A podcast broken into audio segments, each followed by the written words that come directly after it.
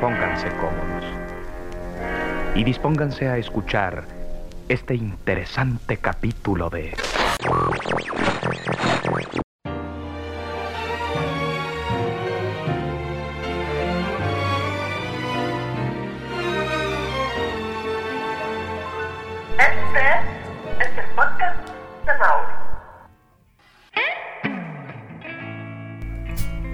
Hola amigos y bienvenidos a una edición más de este podcast, el podcast de Mauri. Una vez más en español, después de haber hecho unos cuantos podcasts en inglés e inclusive uno en hebreo, ahora estoy de nuevo con ustedes en español. Y bueno, el podcast del día de hoy es sobre influencias, las influencias que uno tiene en la vida, pero sobre todo en esta ocasión quiero hablar sobre las influencias musicales, todo lo que tiene que ver con eh, la radio, la música y cómo empezó en mi vida es una historia bastante interesante. Todo empezó en una cena de la fiesta judía de Pesach que celebramos en casa de mi tía Rosa, que por cierto ahora está en el hospital recuperándose de una operación. Le mando muchos saludos y tía, espero que te recuperes muy pronto. Si es que de casualidad llegas a escuchar esto, que no lo creo, pero igual los mejores deseos para ti. Bueno, el caso es de que en esta cena eh, llegó el primo Freddy, o mejor conocido como el Capitán Aventura. Y es conocido como el Capitán Aventura porque las historias que tiene este tipo en su vida son definitivamente la cosa más bizarra y más loca que han escuchado en su vida. O sea, este tipo está definitivamente loco. Bueno, por lo menos estaba. No sé hoy en día exactamente qué es lo que hay de su vida, pero todas las historias que involucraban a Freddy tenían que ver con motocicletas, pistolas, golpes, peleas, bares, autos, todo, de todo, de todo lo que se puedan imaginar. Pero bueno, el tema es que llegó Freddy a la cena de Pesa y nos pusimos a platicar. Me empezó a preguntar sobre música, si me gustaba la música o no.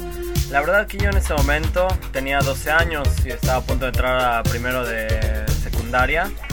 Eh, no era muy fan de la música, la verdad es que ni me venía ni me iba. Eh, la música era, no sé, cualquier cosa, nada importante, nada relevante en mi vida. Pero nos pusimos a platicar y me contó sobre una nueva estación de radio, una que se llamaba Radioactivo. Desde el epazote que se forma en el cerro del Chiquihuite, a 2.600 metros de altura sobre el nivel del mar. a 20 metros a la izquierda de la antena de Universal Estéreo, a 30 grados 2 minutos latitud norte, Y 18 grados 13 minutos longitud noroeste. Con en 1000 watts de poder musical. Con chorrocientos mil watts elevados a la de potencia. Los, los, los. 98.5 megaciclos. Aquí está. Radioactivo. Y le pregunté, ok, me suena interesante, y, eh, eh, ¿qué, ¿qué estación es? ¿Qué frecuencia? Me dijo 98 y medio. ¿Qué quiere decir 98 y medio? Sí, 98.5. Ahí es eh, radioactivo. Escúchala, creo que te va a gustar. Es una estación eh, para jóvenes, eh, música para jóvenes. Dije, bueno, lo voy a intentar. Y entonces, eh, a partir de ese momento, empecé a escuchar radioactivo. En ese momento había comprado un Walkman para utilizarlo en el camión que me llevaba a la escuela. Y sintonicé el 98 y medio muy temprano en la mañana. Yo me subía al camión de la escuela a las 6 de la mañana. Así es que escuché por primera vez los programas, un programa que se llamaba La Escuelita, donde salían dos tipos, uno que se llamaba, o que le decían Rulo, y otro que se llamaba José Enrique Fernández. Ahí estos dos tipos me hacían reír bastante, ponían buena música y me fui acostumbrando poco a poco a escuchar su programa. Eh, lo escuchaba todos los días de lunes a viernes, o por lo menos todos los días que iba a la escuela. Eh, lo escuchaba y, escuchaba su música. Recuerdo que comenzaban su programa todos los días a las 6 de la mañana en punto. Yo empezaba mi día con esta canción.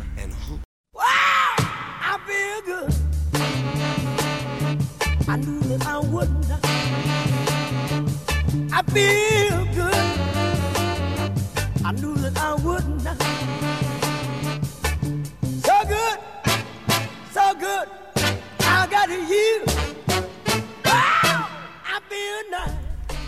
Un poco de James Brown, un poco de sol en la mañana es lo que uno necesita para empezar bien el día.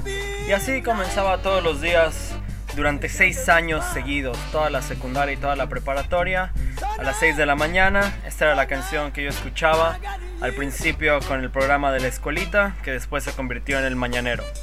Y bueno, eh, durante el resto del día yo estaba en la escuela y cuando terminaba la escuela volví a prender mi Walkman para escuchar radioactivo en el camino de regreso a casa. Y cuando llegaba a casa era como obligación volver a prender el radio para seguir escuchando radioactivo y a los diferentes locutores. Ahí en Radioactivo había personas muy inteligentes, gente que de verdad influyó en mi gusto musical y de cierta forma también en mi humor. Estaba Martín Hernández, por ejemplo. Después de un tiempo llegó Olayo Rubio, que hasta la fecha sigue siendo una de las personas que más eh, tienen influencia sobre mí.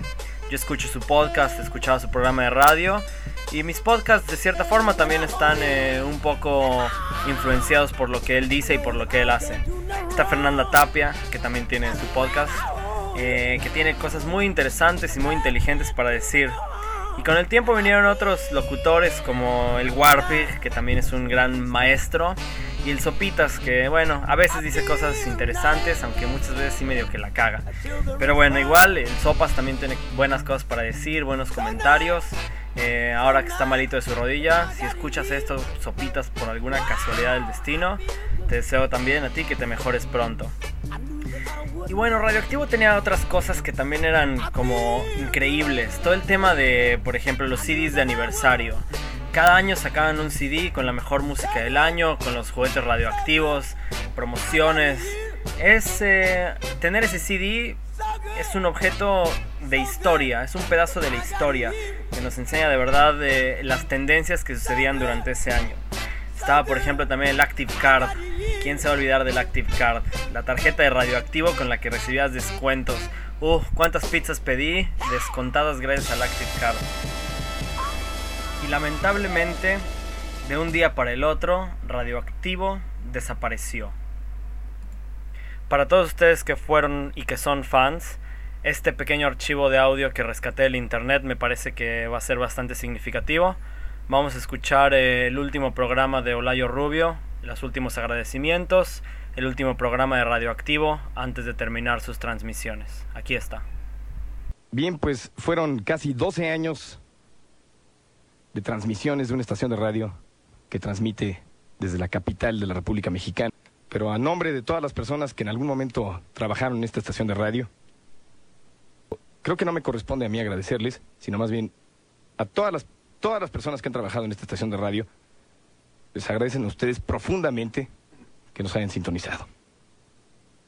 Eh, y bueno, pues creo que es todo lo que puedo decir por el momento. Gracias. Eh, es un momento difícil, obviamente como ustedes se lo deben de imaginar. Principalmente porque durante muchos años estuvimos construyendo algo y esperemos que las personas que nos estén escuchando traten de hacer lo mismo a través de las vías que tengan a su alcance. Durante casi 12 años tuvimos esta vía para trabajar, para comunicar todo tipo de mensajes, opiniones, pero hay otras vías que pueden ser utilizadas. Y espero que, y creo que todos esperamos que esta estación de radio haya influido de alguna manera positivamente en las personas que alguna vez la sintonizaron.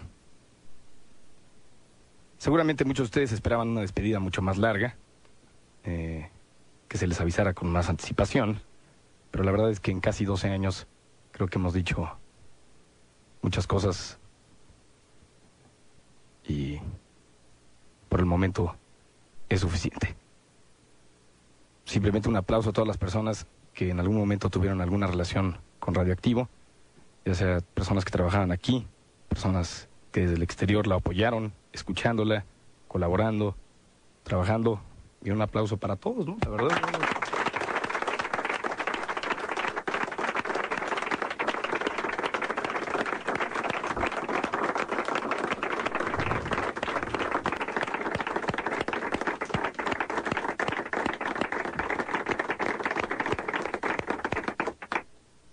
Pues nosotros terminamos, pero sabemos que hay gente allá afuera que va a seguir. Y es momento de despertar. Y es un mensaje para todos ustedes. Gracias.